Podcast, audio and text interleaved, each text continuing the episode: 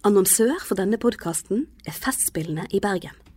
Fra 22. mai og frem til 5. juni kan du oppleve hundrevis av arrangementer innen en rekke sjangre over hele byen.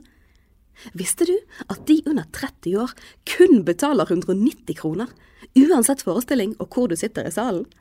For mer informasjon se fib.no.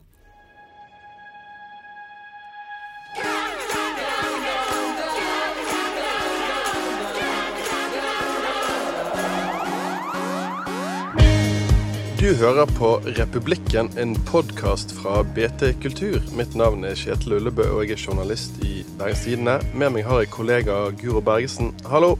Hei. I kulturpodkasten Republikken så inviterer vi de folkene som får kulturbyen Bergen til å fnise. Fnise, ja. Riktig. Eh, For i dag har vi altså med oss Å tenke. oss eh, Ja, å tenke. For i dag har vi altså med oss eh, standup-gudfar og eh, komiker Kristoffer Kjeldrup. Går det fint med deg? Ja, ja, det går kjempefint. Og så har vi med oss festivalsjef for Nordiske mediedager, Guri Heftig. Går det bra med deg? Går bra med meg. Den er god. Check. Har puls. Du, Kristoffer, du er jo egentlig en, eh, egentlig en podkastveteran. Du drev jo med podkast nesten før noen andre.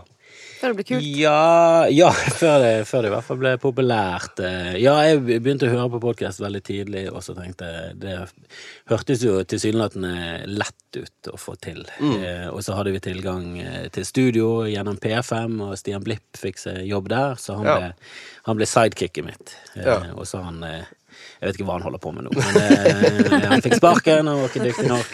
Talentløs type. Eh, så Jeg har ikke hørt eh, om han, så det Nei, han mistet det helt etter. Han, fikk, han gikk inn i en sånn spiral nedover. Han jobber- nedadgående. han- Jeg tror han har flyttet til Oslo og holder på med et eller annet. selger sikkert forsikring eller noe. Ja, noe sånt. Eh, fått eh, familie. Ja, holder på med et eller annet på Østlandet som jeg ikke bryr seg om. Eh, men så fortsatte jeg på egen hånd, og det var jo litt mer eh, Det er jo litt sånn teknisk eh, terskel du skal eh, over, sånn eh, forståelsesmessig, eh, som jeg alltid har ligget under. Så jeg måtte legge alt på is en liten periode, og så nå har jeg kommet tilbake igjen. Og nå fortsetter eh, Norges første og beste postcast.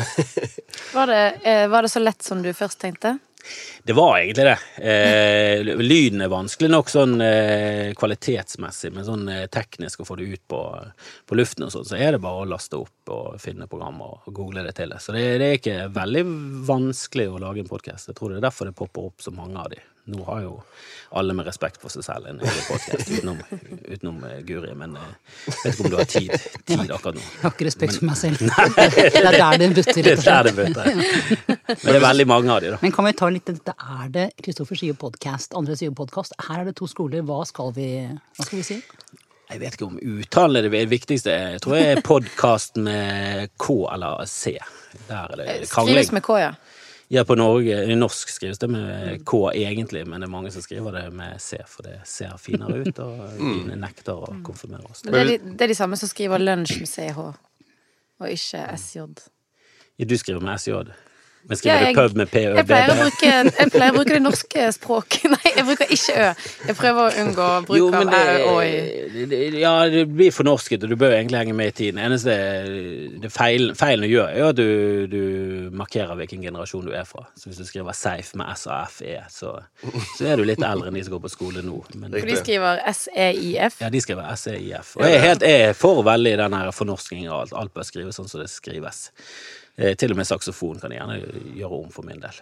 Selv om det er et eget Til og med saksofon. Jo, men det er mange som mener at det er et egennavn, så derfor skal du ikke. Det er saksofon Ja. het faktisk saksofon, men boikott kommer også fra et skotsk navn. Så det, det er ja. for norske, så alt for norske. har allerede, allerede begynt å lære ting. Ja da, det er republikken. Vi må lære. Og Men grensen går ved champagne.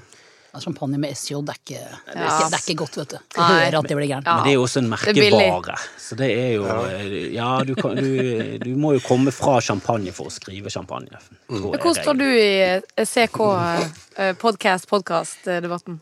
Nei, Jeg sier podkast, ikke podcast, men jeg skriver det med CH. Ja, du gjør det, ja. Skriver du lunsj med CH òg? Nei, jeg skriver norsk lunsj. Ja.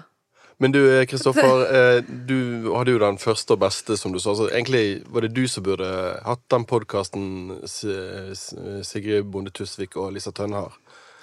Eh, ja, Altså nå Norges skal det sies at eh, jeg tror deres podkast var større allerede i første episode enn min noensinne var. Eh, de, de var jo allerede populære komikere som har blitt eh, gigantiske, da. Eh, og det, det er velfortjent. De har jo bygget seg opp fra, fra bunnen av eh, Egentlig er all karrieren de har, har de laget selv. Og Det er fantastisk eh, gøy, og mm, jeg, jeg hørte jo veldig mye på den i starten. Eh, Da var det veldig, veldig morsomt med Lisa Tønne som utleverte veldig av sitt eget liv. eh, Som jeg føler er, er litt sånn alibi for at de nå sparker alle retninger. At de, de sparker nå først og fremst ned seg selv og sin egen familie. Men du, hvorfor uh, Vil du si noe, Guro? Nei, jeg lurte på, for Guri, uh, på Nordiske mediedager så booker dere jo en rekke sesjoner med folk som lager podkaster med, med ørlite flere lyttere enn det for eksempel vi har. Og det jeg kanskje Tror Kristoffer har.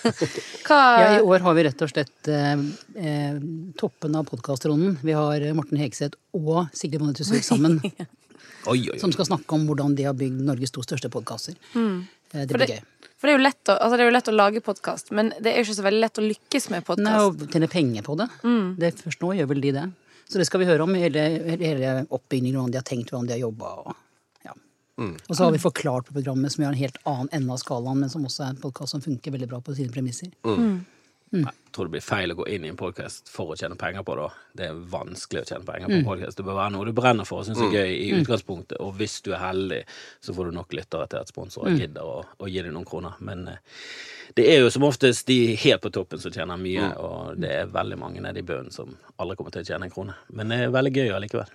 Men det du brenner aller mest for, Kristoffer, det er standup. Ja. Hvorfor, eh, hvordan endte du opp som standup-komiker? Jeg holdt på mye med show eh, egentlig fra jeg var liten av. eh, Alltid vært mye sånn klasseoppsetninger av eh, både julespill og alt mulig, og var veldig bitter. Jeg tror det var den bitterheten for at jeg ikke fikk rollen som Josef i det første julespillet i andre klasse, som har drevet hele karrieren min. Han drevet mange, tror jeg. Ja, Maria og Josef. Det og så Lucia-feiringen på skolen. Jeg ble aldri Lucia heller. Jeg vet, jeg vet ikke Feil kjønn nå, vet du. Ja, men til, til, og med, til og med på 80-tallet så var, kunne Jeg følte at det, det burde være lov å ha en mannlig Lucia, men det var ingen enig med. Eh, Så den bitterheten har drevet meg til å være en pådriver egentlig for å gjøre ting på scenen. Eh, Og så var det Fane gymnas, og der kom jeg i kontakt med Gikk i klasse med Kalle Hellevang Larsen, og eh, ja, Øyvind Raftu gikk i klasse Og Ylvis kom vel kanskje litt etter deg der. Nei, Vegard var i Ja. Når vi gikk i tredje. storebror Ylvis var Storebroren. ja, Han, han er nesten like talentfull, eh, allikevel mer talentfull enn de fleste. eh, Broren der, eh, han spilte vi med, og så var vel de de første som gjorde enorm suksess, da. Mm. og det var veldig mange som ikke trodde at det skulle gå så bra. Jeg hadde litt troen på det, ikke at det skulle gå så bra, da, men at, de, at hvorfor skal ikke de le av dette i Oslo? Det er jo veldig gøy. Eh, og så gjorde de jo så sinnssyk suksess, så det tror jeg ble en sånn her gnist i de fleste av oss at å ja, hvis de klarer det, så kan jo vi òg klare det. Eh, eh, Så da jeg følte jo Kalle og de etterpå, eh, og så ble jeg litt lei av å gjøre ting sammen med andre, for det er veldig det er stressende å holde på på sånn lavt nivå eh, når du ikke tjener så mye penger på det, og hele tiden være sånn pådriver for å få ting til å skje. Så det tenkte jeg ja, drit i det, jeg går solo. Vi kjører standup. Men eh, standup er veldig Det er lettere å få til å gjøre, for du trenger bare en mikrofon. Men det er ekstremt vanskelig å få til, eh, sånn at folk gidder å betale for det. Eh, det er lettere å lage show og sånn, for da er du sammen med andre, og det, det er litt, eh, du deler på byrden, mens standup er jo det, det selv. Ja, for det er jo liksom eh, Når du er på show, det tenker jeg litt som å være med i et band, men når du når du Når du er- kjører standup, så er du helt aleine. Det virker jo veldig nervepirrende og veldig Altså, hvis du mislykkes som st- standup-komiker, er sånn mislykket standup, det er ingenting som er verre enn det.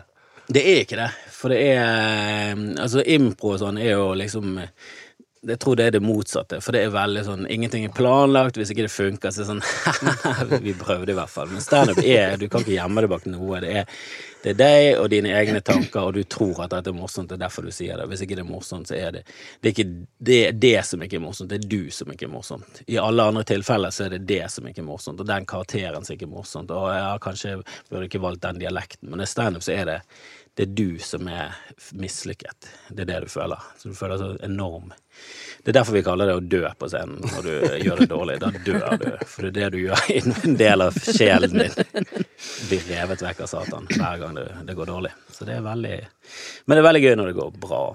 Det er det. Men når du er, når du er standup-komiker og sånn på privaten, eller når man velger å bli komiker, får man mye sånn spørsmål eh, og forventning om å alltid være morsom og 'Fortell en vits', da. Ja, når du treffer fremmede, så er det ofte det første de sier. «Å, er du er morsom. Det er det første de spør om. Uh, og det er jo veldig Det er jo det eneste Jeg tror det er det eneste yrket du med en gang setter spørsmålstegn med yrkeskompetansen. Bare sånn med en gang du treffer treffer aldri på en forfatter og bare sånn 'Å ja, kan du formulere setninger?' Det, er jo, det går jo bare ut ifra at de kan det de gjør, siden de lever av det. Og det er jo også det eneste yrket du har der folk er sånn 'Å ja, komiker i gåseøyne'. Så bare, Nei, nei, komiker, jeg tjener penger på det. Ja ja, det, det er det du sier, det. Så, nei, det er det Nav sier. De- Kemneren sier det. Jeg må betale en masse Kan du, kan du noen gode vitser? Eh, Jeg er ve- er veldig dårlig til å fortelle vitser, eh, og de vitsene jeg har laget selv, de passer som hun ikke på, på luften. Jeg vet ikke hvor eh, eh, frie tøyler har på Du trenger liksom 20 minutter for å bygge opp eh, Ja, men du trenger, I standup så trenger du et publikum. Det hele, hele greien er at du forteller en ting foran Du kan ikke øve på standup hjemme. Du kan øve eh, Du kan øve inn teksten, men du kan ikke øve det sånn som det skal bli sagt, for det lærer du på scenen. Du øver på scenen. Mm. det er jo en av grunnene til at eh, Louis C.K., som jeg sikkert skal snakke om senere, kommer til Norge, og så har han vitser, og så får folk sånn Du kan ikke si det. Og så kan han gjerne si sånn Nei, det fant jeg ut når jeg sa det. Det var da jeg fant ut at jeg ikke kunne si det. Jeg trodde jeg kunne si det, og så sa jeg det, og så viste det seg at nei, det kan jeg ikke si. Eh, For du øver foran publikum. Det er liksom Det er en del av greien. Kan du noen gode vitser, Guri? Nope. Jeg kan masse, men jeg husker de aldri når folk ber meg om å fortelle en vits. Det er Altså, utrolig vitser upraktisk. er jo oppskrytt. Eh, Ikke en veldig god vits. som idé. Det Altså den eh, alle, Det alle kan jo den med tomatene over veien. Ja, Men men den forsto jeg først når jeg så Pulp Fiction, at å ja, den har jo faktisk et poeng. I- jeg På norsk så har jo ikke han et poeng. I- På engelsk så er det ketchup. Mm. ja. Det er jo dobbeltbytte. Det er jo en vits. Det må jo ha noe mer enn Ja, for det, er ja, for det tenkte jeg på her forleden. Eh, Som du sier, på norsk har jo Altså, kom igjen, ketchup. Det er jo ikke noe poeng. Kjetil, tenkte du på her forleden hva som er Ja, meningen tenkte- med ketsjup-vitsen? Ja, selvfølgelig gjorde jeg det. Eh, jeg tror det var han var nevnt i en eller annen sammenheng. Også, men jeg, så tenkte jeg, er poenget at ikke han har noe poeng? Nei, men norsk er det bare tomatskviss, eh, det blir ketchup. Ja, Det er bare det som er morsomt. Ja, det er gøy, og det, det er jo helst Funker veldig, funker veldig godt på femåringer. Altså, de syns det er veldig veldig gøy. Jeg vil, jeg vil jo si at det er helst analfabeter som lærer det. Mm. Grunn av alder. Og barna. Det er nesten samme. Ja, eh, analfabeter av barn. Altså barn som ikke kan lese, Mm. ler mye av den vitsen. Men med en gang de begynner på skolen, så Kaller du barn som ikke har lært å lese, for analfabeter? Jeg kaller alle som ikke kan lese, for analfabeter. Vi ikke. Aldri diskriminert. Med det er Viktig å dømme hardt og tidlig. Ja, ja. Din sønn på Eller ditt lille barn på to-tre tre år, Tre år. Det er analfabet. Han er faktisk på vei til å kunne lese. Han, er veldig, han kan alfabetet, hele pakken, så han er semi. Ja. Jeg kaller han alltid semi. Ja. Kom her, semi. Men du, eh, Guri, eh, du er jo eh, som kjent leder for Nordiske mediedager. Men du har jo gjort mye annet opp igjennom. Jo. Jeg fant ut at du har vært sånn guide i Syden. ja, ja, ja. Det er veldig mange i mediebransjen som kommer fra reise, reise, reise, Ja. Altså forbausende mange Var det sånn som tok imot Sigurd Solløn, Espen Thoresen. Ja. Var det sånn som tok imot eh, Ja. charterturister på Ja. flyplassen? Og I sånn blå skjorte med starter og sånn batch her, og så blått skjørt og sånne jævlig ukomfortable sko. Og så var det 30 grader varmt, og sto der med sånne LP-plater under armene og skulle være blid. Og så ta imot folk. Og kjøre grisefest på Gran Canaria. Be voksne folk komme ned av busstaket. Nei, nei, Arne, ned av taket. nå. mye, mye sånn. Ja. Du er 22, og de er 50 og drita. Det er jo helt nydelig balanse. Altså, det der var Jeg må bare, jeg må bare få si eh, På et tidspunkt i livet mitt så var det der Altså, det var min, det var min drømmetilværelse. Ja, men det var jo min òg. Ja. Tenk deg å være reiseleder i Syden. Kan Ja. ikke bli bedre. Bo i Syden, liksom. Og betalt for dette her. fikk ja, Ja, knapt, det knapt gratis. nok, altså. Knapt nok. Det var ikke lønna hans. Men, uh, ja, altså, Men det var- men det er- levde det opp til forventningene? Jeg må si at jeg har tenkt i etterkant. Jeg jobba i, for starter først på Kypros fra februar til november, og så Gran Canaria rundt hele vinteren. Uh, Og jeg tror jeg har lært veldig mye av det som er sånn ryggmargsrefleksen på sånn brannslukking, force majeure, redde situasjonen, ta ting på hælen. Alt det der lærte jeg på de månedene der. For det er ikke én situasjon du kan forutse. Altså det blir, Alt blir bare verre enn du har tenkt. da. Det er liksom ikke mulig. Jo, det er mulig. Ok, vi skal kaste opp, og ja. ja. Men da gjør vi det. Så Det er litt sånn, så du, du lærer deg å ta alt på sparket, da. Jeg, ja, jeg tror Jeg har jobbet i utelivsbransjen, og jeg tror det er litt sånn samme, ja, ja, samme mekanisme. Du, bare, du lærer deg at alt kan bli verre alltid. Du må bare håndtere det på en eller annen måte. Men Jeg tror ikke vi ripper for mye opp i dine aller mørkeste sider, men stemmer det at du fikk sparken fra jobben i Syden? Ja, ja. Jeg forså meg til en transfer da hadde jeg jobbet i sånn tolvtimerspass en par ukers tid. Og så sovnet jeg litt godt. Og så skulle jeg På Gran Canaria så fly, kommer flyene sånn fem om morgenen. Det er sånn omvendte fly som det kaltes. Så vi måtte liksom dra fra hotellet sånn, der vi bodde, i guidevillaen vår klokken tre-halv fire, for å møte på flygis. Og møte alle eh, som kom. Og så våknet ikke jeg, kan du si. Så jeg sto, passsjefen ringte på døren sånn 04.50, hallo.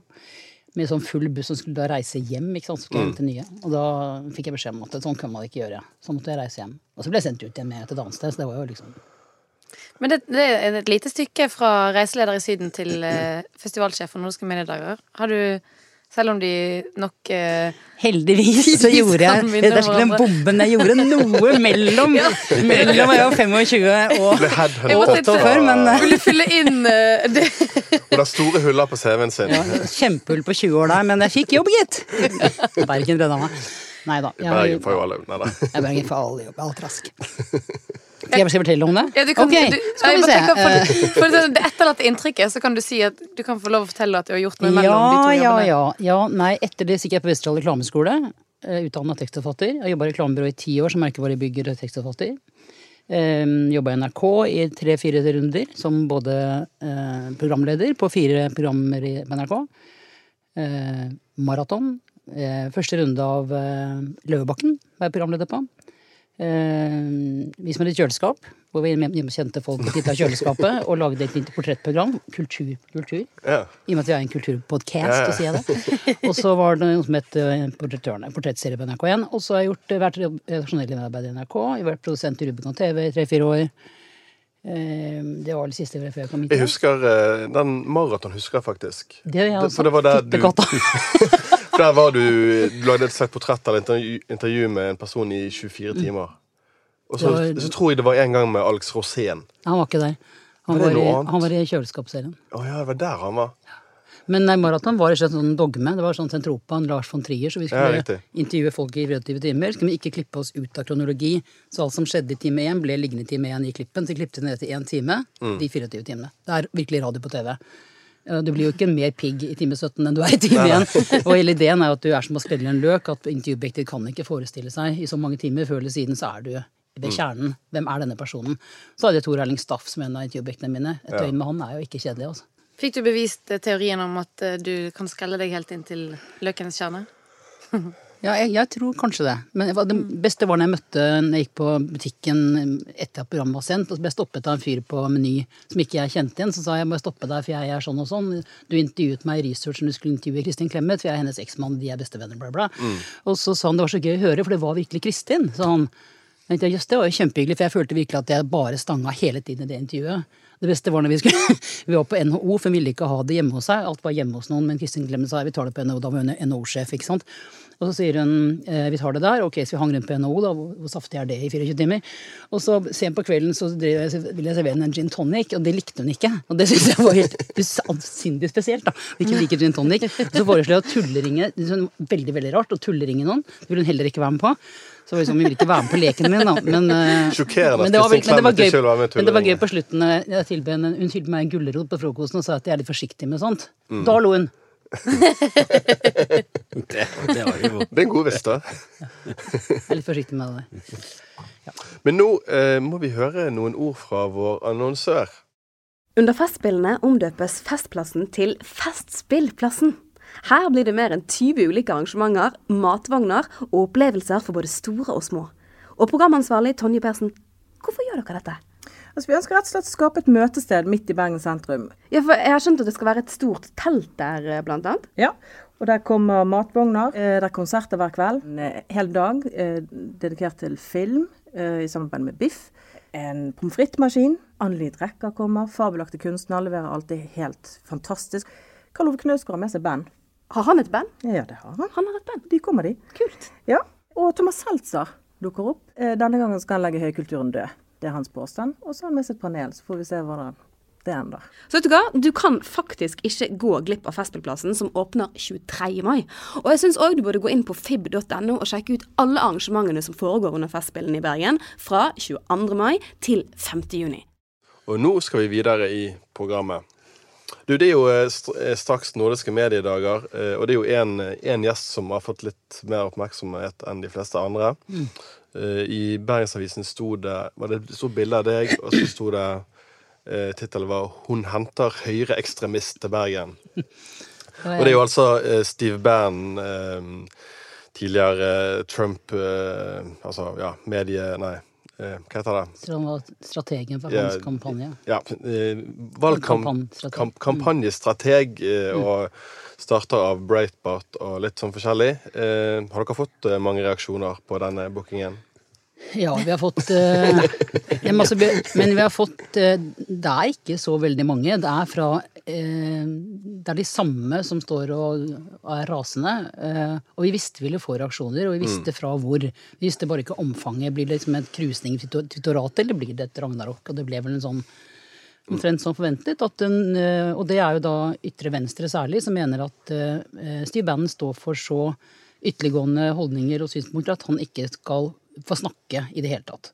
Og det følger oss rett, følger oss rett inn i diskusjonen om såkalt no platforming. Er det noen stemmer som ikke kan få komme, komme til i norsk offentlighet fordi de mener uhyrlige ting? Og det mener da noen, det mener ikke vi.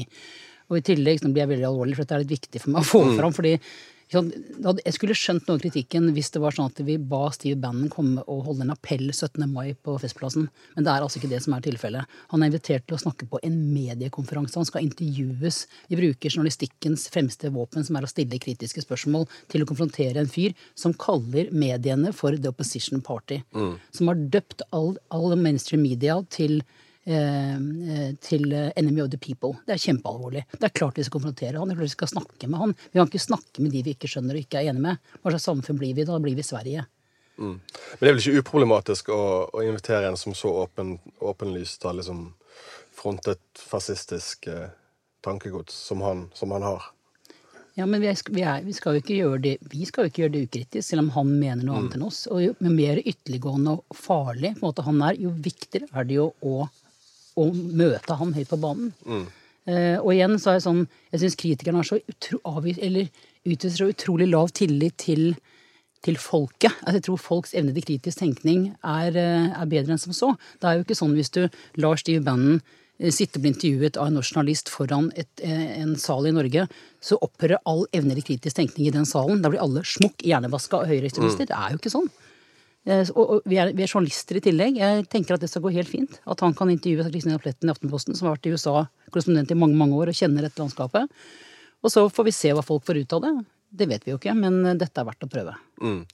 Eh, du har et innlegg i BT av Venstre Vegard Tenol Aase som eh, han har fulgt eh, Han er blitt en ekspert på amerikanske nynazister, og han, han mener jo egentlig at han er en, en stadig, veldig blitt en ganske irrelevant skikkelse. At, at, eh, at det er nesten ingen som bryr seg om han i USA lenger. Han mener jo at, at Hvorfor skal man da la han komme til i Bergen, når han på en måte er Det er ingen som bryr seg om han lenger. Ja, det er jo to ting å si om det, og sikkert veldig mye mer om, men Men, eh, ting. men, eh, men, men det er særlig det, er, det som jeg tenker på, er at eh, det er helt riktig at ikke han har en plattform i USA lenger. Eh, Mm. Han, er, er mye i Europa, forsøker å påvirke inn mot EU-parlamentets valg i slutten av mai. Eh, Men, og som han lykkes ganske dårlig med, Steve Bannon, må Mm. legges til. Men det at han er irrelevant, det er det ene hvorfor hisser de seg så veldig opp hvis han er irrelevant? Mm. Det er, hvorfor er det så farlig da at vi snakker med han? Og det andre er Donald Trump hadde aldri vært i Det hvite hus hadde det ikke vært for Steve Bannon. Det er meget sannsynlig at Donald Trump blir valgt igjen i 2020. Så hvor irrelevant Steve Bannon er i dette landskapet, det kan jo definitivt diskuteres. Men hvor setter du grensen da, Guri, for hvem du kan invitere til nordiske middager? Jeg vet ikke, det må man vurdere fra gang til gang. Det er jo det er første gang vi har en gjest som vi får reaksjoner på den måten. Vi har, eh, vi har en stor gjeng av liberale journalister og mediefolk eh, på vei inn til mediedagen hvert eneste år. Vi har hatt rådgiveren til eh, Brian Exley, rådgiveren til, til Bernie Sanders, vi har hatt taleskriveren til Michelle Obama, vi har hatt hele demokratsiden alltid. Nå tar vi en fra andre siden, og det blir liksom veldig reaksjoner på det. Men det får vi vurdere fra gang til gang, jeg vet ikke. Vanskelig å svare på. Det er jo eh, det er ikke helt eh, sammenlignbart, men du òg har jo Kristoffer, nylig fått kritikk for å hente en amerikaner til Bergen. Eh, og det var altså komikeren Louis C.K. som ble ja, hva skal man si, metoo-et her i 2017. Ja, han var jo en av de første som ble med i den ja, første bølgen av navn som dukket opp eh, på, på Ja, i den metoo eh, Jeg vet ikke om du skal kalle det skandalen eller bevegelsen, men ja, han var definitivt eh, med i det, ja. Og så har han jo egentlig gått litt under jorden, og så gjort et par show, og så dukket han plutselig opp i Bergen. Hvordan gikk det til, egentlig? Eh, nei, det gikk til med at vi hadde en av hans For dette er jo, dette er jo virkelig kanskje verdens, en av verdens aller største komikere. Som også har ja, innrømmet, da. Og har Ja, han har en- hatt en og- seksuelt krenkende atferd overfor Ja, kvinner. og lagt seg Ja, han har onanert for en kvinne som Ja, og eh, han har vel fått et samtykke av de, men eh, hvorfor de har sagt ja, og om de egentlig mente ja, det er jo det som er Ja, så har han, eh, han har har sagt utnyttet unnskyld, sin eh, posisjon. Han var jo På den tiden var han ikke den største, dette er jo 10-11 år gamle saker, men Ja. eh, han var fortsatt ganske høyt oppe i, i komibransjen. Han var en stor men, stjerne. men nå før han ble liksom tatt, opp å si, eller så var han definitivt blant de I hvert fall eh, blant komikerne og de som eh, liker standup, så var han desidert største. Og han hadde jo også filmkarriere og spilte i Woody Allen-film. Altså, han var liksom på toppen. Han hadde masse serier som produserte, så det gikk jo ganske dårlig med den karrieren etterpå. Han mistet jo eh, Netflix-kontrakter og mye, mye, mye han tapte på det, og mm, som seg hør og bør. Det- Standup er det selv, og det er det du presenterer på scenen, så når det viser seg at eh, at du er litt sånn creepy og har eh, ja, egentlig gjort seksuelt trakassert damer, så mm, og, så kan du liksom diskutere hvor alvorlig det er, men det, i den perioden det var, så var det liksom en ganske nulltoleranse for det, og det han har gjort, er vel de fleste enige om at ja, det er litt eh, det det er feil. Du skal ikke gjøre sånn, og du skal ikke utnytte din posisjon for å eh, presse gjennom eh, seksuelle ønsker. Og det er litt sånn tydelig at damer ikke har villet være med på det, selv om de kanskje har liksom ikke klart å si helt klart nei, da. Så er det litt vanskelig når du er inne på et hotellrom med en 50 år gammel mann som du ser opp til, og så plutselig bare begynner han å onanere foran deg. Så er du kanskje ikke helt klar for hva du har sagt ja til, og så plutselig sitter du der, og så er det jeg, jeg, jeg snakker med mange damer som sånn Jeg har også sagt ja til dette og ment nei.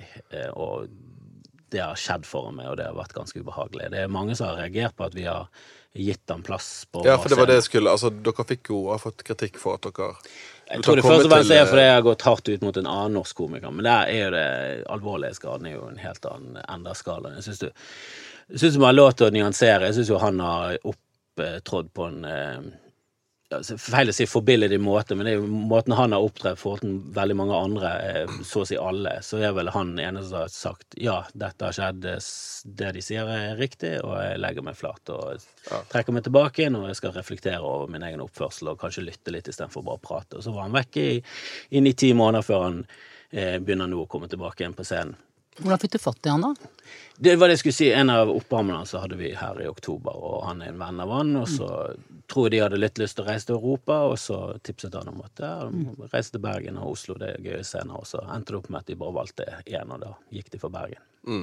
Så det var rett og slett det Riks er et bra sted å ha standup.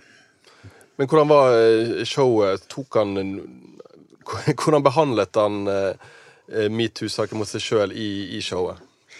Det blir vanskelig å si for meg. Da. Jeg kjenner han ikke godt, og jeg, det var ikke sånn at jeg ble kjent med han selv om jeg var med han på, på backstagen. Eh, Men det, for meg personlig så føltes det ikke helt sånn tilfredsstillende. Jeg skulle gjerne sett at han utviste litt mer anger, og mm. Ja, hatt, hatt litt mer sånn fokus på at eh, ja, det jeg gjorde var ille, og, eh, men det er noe i meg. For det, det er jo så mange lag her, og det er jo på mange måter så har jo han eh, et problem eh, som eh, som er kanskje ikke så altså den Seksuelle ting er jo vanskelig, og det er grenser her, og det er mye gråsoner, men han har jo tydeligvis en greie der han liker å onanere når det er folk til stede. Så Det tar jo han opp, han, har, han vitser om det, det er gøyalt, men Han har jo ganske mange vitser som beveger seg i det ja, det er jo, landskapet. det, det er jo derfor det er, føles litt uh, creepy at han men dro han de vitsene nå òg? Ja, han snakket, men han snakket om det Ja, at eh, Men så Men blir det gøy nå? Det, kan, man, kan, man, kan man gjøre de samme greiene nå som før det smalt? Eh, Ja, Altså han, han fortsetter liksom med sin egen Han har sin stil, og når folk kritiserer han for materialet, så er det litt sånn Ja, det er litt rart at du likte han før, for det er noe nøyaktig i de samme land han ligger fortsatt der. Men når han før snakket om onani, og eh, som han ofte har gjort, da, så, så var det liksom med noen du følte det var en liten distanse der, at det var, det var litt sånn vitsete og sånn. Og nå er jo det sånn Oi, du er jo faktisk ganske Du er ganske fucket, da. Eh, og det tar han tak i. Eh, Så den siden er grei, men han tar ikke tak i det at han har forvoldet eh, damer ubehageligheter, og det er en dame som sluttet med komikk, og det er andre som har ja, og eh, også fått ubehageligheter i miljøet, da, fordi folk er sånn Kan ikke dere slutte å mase om det dritet der? Kan ikke dere bare la Louis være fred, han er fet fyr, og um, hold, hold kjeften på det. Litt den innstillingen der, da, at det er varslerne som, eh, som har feilen her, og nå er de ute etter å ødelegge karrieren til en flott, flott mann som er Han, han, kunne, han kunne lagt seg flatere. Jeg syns han kunne lagt seg flate. Jeg syns den eh, første pressemeldingen viste tegn på at det hadde vært PR-rådgivere med, og fortalte han akkurat hvordan han skulle formulere dette for at han skulle komme best mulig ut av det. Men jeg syns allikevel han har gjort Fått den alvorlighetsgraden så syns jeg han har trukket seg tilbake. Han har eh, tapt masse på det, og eh, han har liksom ikke bare turt på med sin egen karriere og gitt totalt faen. Han har faktisk eh, eh, gjort noe, da. Han har tatt et grep, og mm, jeg syns det er nok. Jeg syns han har fortjener å være tilbake. Jeg syns kanskje ikke han er en komiker som bør dukke opp uannonsert, sånn som han gjorde før, og det er en sånn stor ære at han kommer. Sånn som sånn så det er Seinfeld kommer plutselig på en liten klubb i New York, så er det kjempegøy for publikum. Føler ikke at han er i den klassen lenger, da, for det er for mange som Det er ja, har det- ubehageligheter mer rundt det han har vært involvert i, til at han er en sånn gøyal for all person.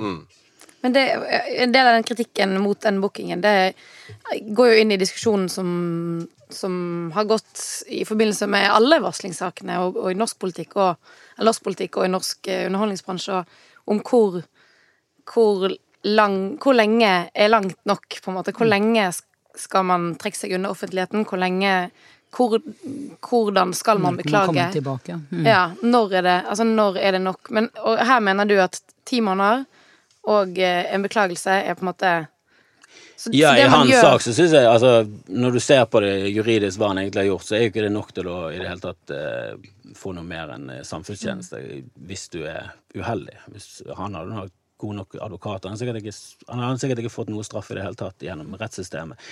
Det er jo ikke en sånn kjempealvorlig ting han har gjort, men han har gjort en creepy ting som er helt klart over grensen. Det bør ikke være en del av komimiljøet, og det, og det ødelegger for miljøet, som er veldig mannsdominert, og damer har nok hindre eh, på veien til at de skal også oppleve sånne ting. Og jeg tror det også det var det grunnen til at hun ene komikeren sluttet, var at hun hadde opplevd såpass mye ubehageligheter at når Louis, som var liksom en stor forbilde, og en, egentlig en feminist som mange damer eh, så opp til, da. Eh, som alltid hadde vært eh, fair og eh, ansatt masse damer, alltid jobbet mye med damer. Og ble liksom sett på som en del av, av den siden, da.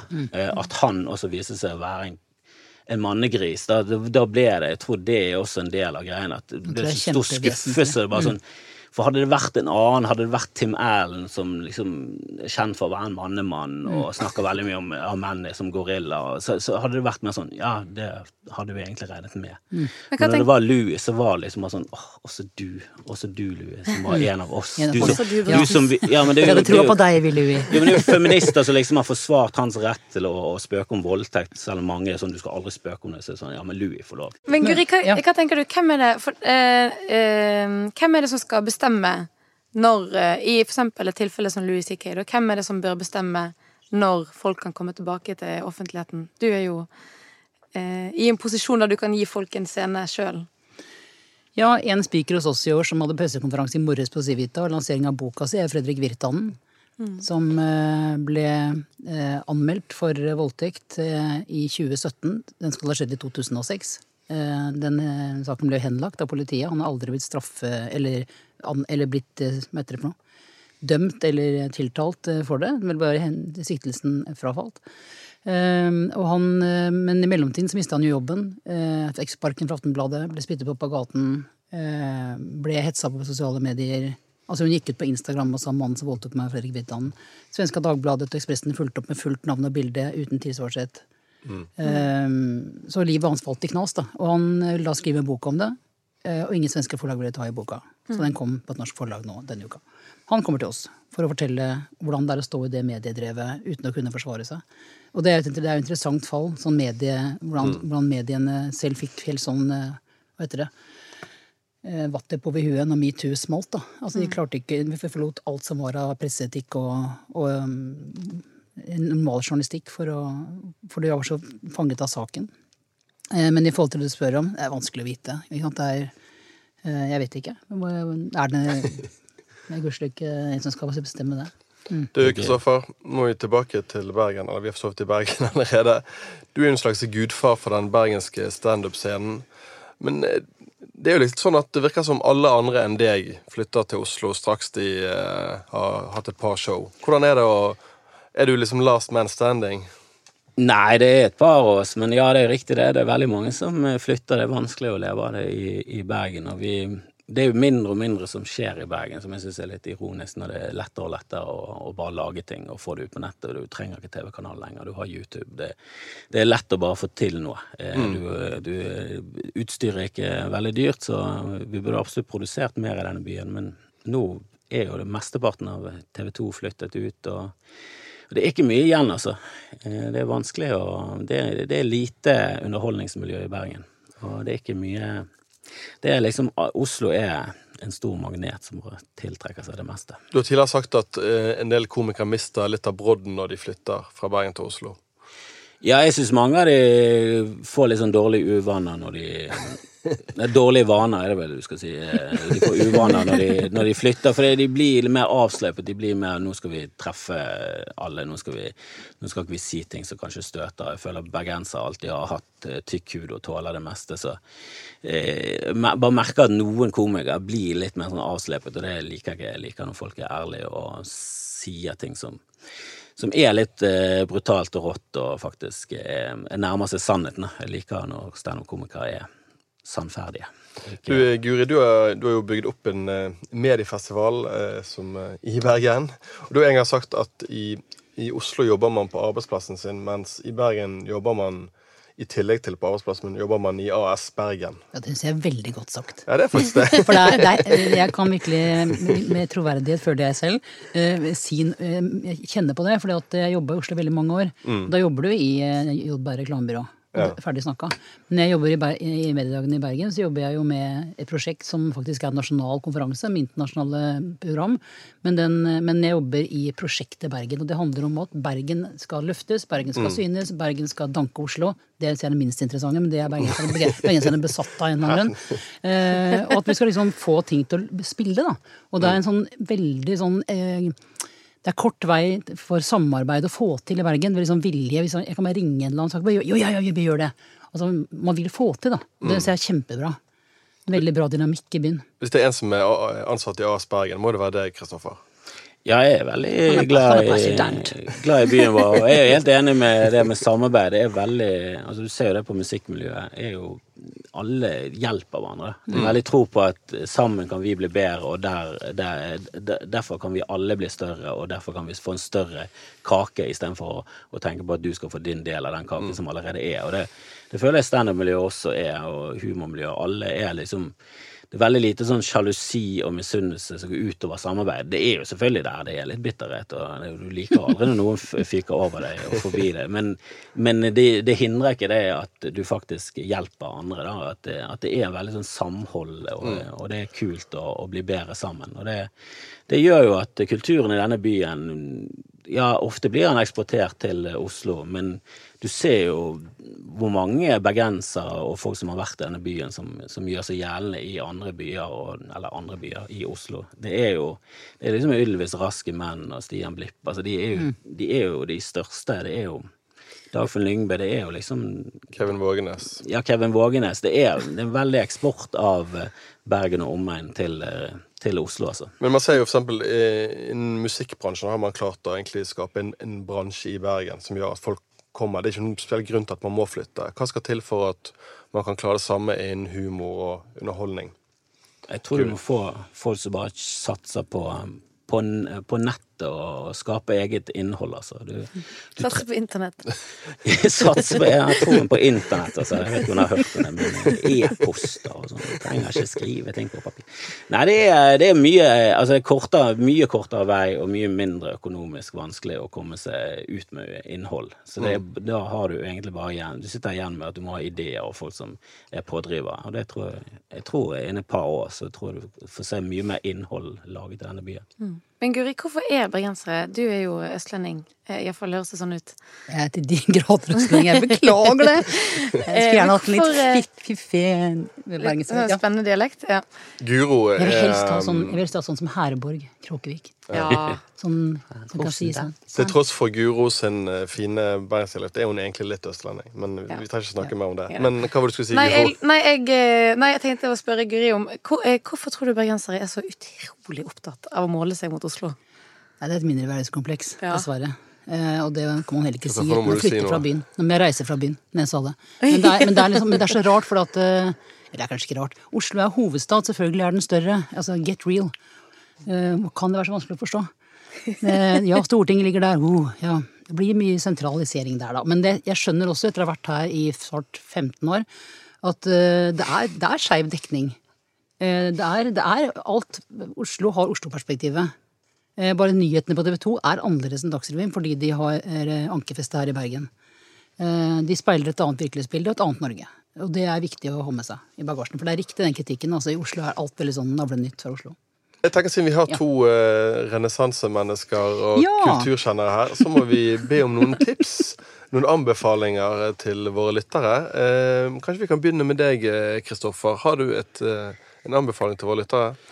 Ja, jeg er jo veldig glad i, i podcaster, og en podkast som jeg liker veldig godt, er jo Podpikene, som er to bergensere som Ja. bare, bare fjaser om sine egne liv og, og hvordan de lever i Bergen, og det er veldig, veldig underholdende og gøy. Så det Der er det mye fjas. Jeg har, jeg har der er det litt. mye fjas, og det er mye selvutlevering, og det er to single damer, og den ene, hun ene liker damer, og den andre er liker menn, Og det og begge er sykepleiere, og de er veldig udugelige og er fantastiske å høre på, så det er kjempe, kjempegøy. Det er, det er liksom en Tusvik og Tønne, men en- med en bergensvri.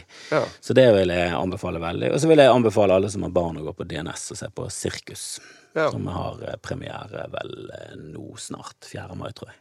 Spennende. Så det kan bli gøy. Med Absen, som er veldig bergensk Ja, og stemmer det. ja.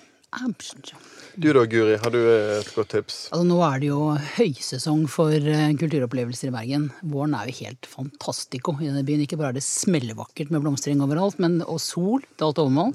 Men um, nå er det ikke sant, først mediedagene, så er det Festspillene, så er det Bergen Live, så er det Nattjazzen, eller kanskje omvendt. Altså, det kommer som perler på en snor. Så først får middagen opp og stå og, over og done with, og så skal jeg slappe av. Og da skal jeg gå på Festspillene, selvfølgelig. Må innom Festspillene når man har altså en så stor internasjonal musikkfestival midt i byen. Og da skal jeg gå på åpningsforestillingen, for det er, det er slik Solveig ser det. Altså Per Gynt fra Solveigs ståsted. Med, de forener altså Edvard Griegs musikk med Karl Ove Knausgårds tekster Riktig. og Calixi Beito på regi. Det kan ikke bli annet enn spektakulært på et eller annet vis. Det vil jeg få med meg. Nattjazzen, alltid et eller annet bra. Bergensfest, vet ikke. Men jeg skal på Elton John. Det gleder jeg meg til. Elton John kommer til Koengen. Er det gøy, eller? Er han 100 år? Han skal ha briller på. Det kan vi i hvert fall være ganske sikre på. Ja, det kommer flere. Phil Collins kommer òg. Phil Collins! Altså, det er jo- Satan, Phil Collins! Det er jo den store sommeren for voksne menn. Bob Dylan. Bob Dylan, Ja. Phil Collins og Elton John. Men hvis jeg skulle liksom Hele eh, geriatrien er ute og går. ja, men hvis jeg skulle gjette, så tror jeg kanskje Elton John er den som lager mest show. Ja, men tenk deg katalogen hans. Bob. Dylan lager i hvert fall ikke show. fantastiske. Ja, Elton John er jo en av de store. Nei, ja, de det kommer store, snart en film han på, på kino. Så Ja. Mm. Jeg fikk aldri sett George Michael før han døde, og han tror jeg har vært helt fantastisk å se live. Han har også laget masse masse fint, selv om folk syns han var litt pussig. Ja, nei, men Det var gode tips. Eh, Nå må vi nesten runde av her, så jeg må bare si takk til våre gjester Kristoffer Kjeldrup takk og for, Guri Hefti. Og takk til deg, Guro.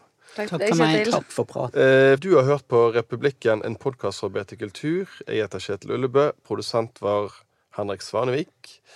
Eh, Du finner flere episoder av Republikken på BTs nye lydapp, BT Lytt, og på iTunes og Spotify, og der du hører podkaster. Men før vi runder helt av, skal vi høre litt ny bergensmusikk. Obijan er artistnavnet til Jan Eivind Bertelsen, som har spilt trommer i bl.a. Fjorden Baby. Eh, han slapp akkurat singel 'Ut av denne verden'. Den kommer her.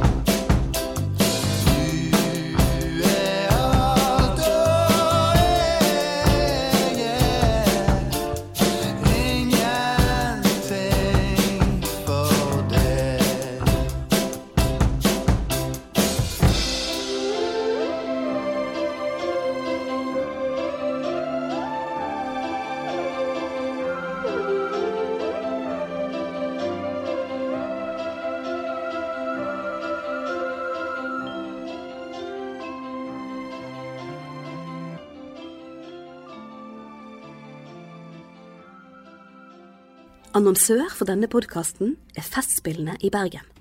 Fra 22. mai og frem til 5. juni kan du oppleve hundrevis av arrangementer innen en rekke sjangre over hele byen.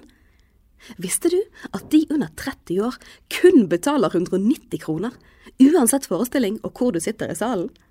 For mer informasjon se fib.no.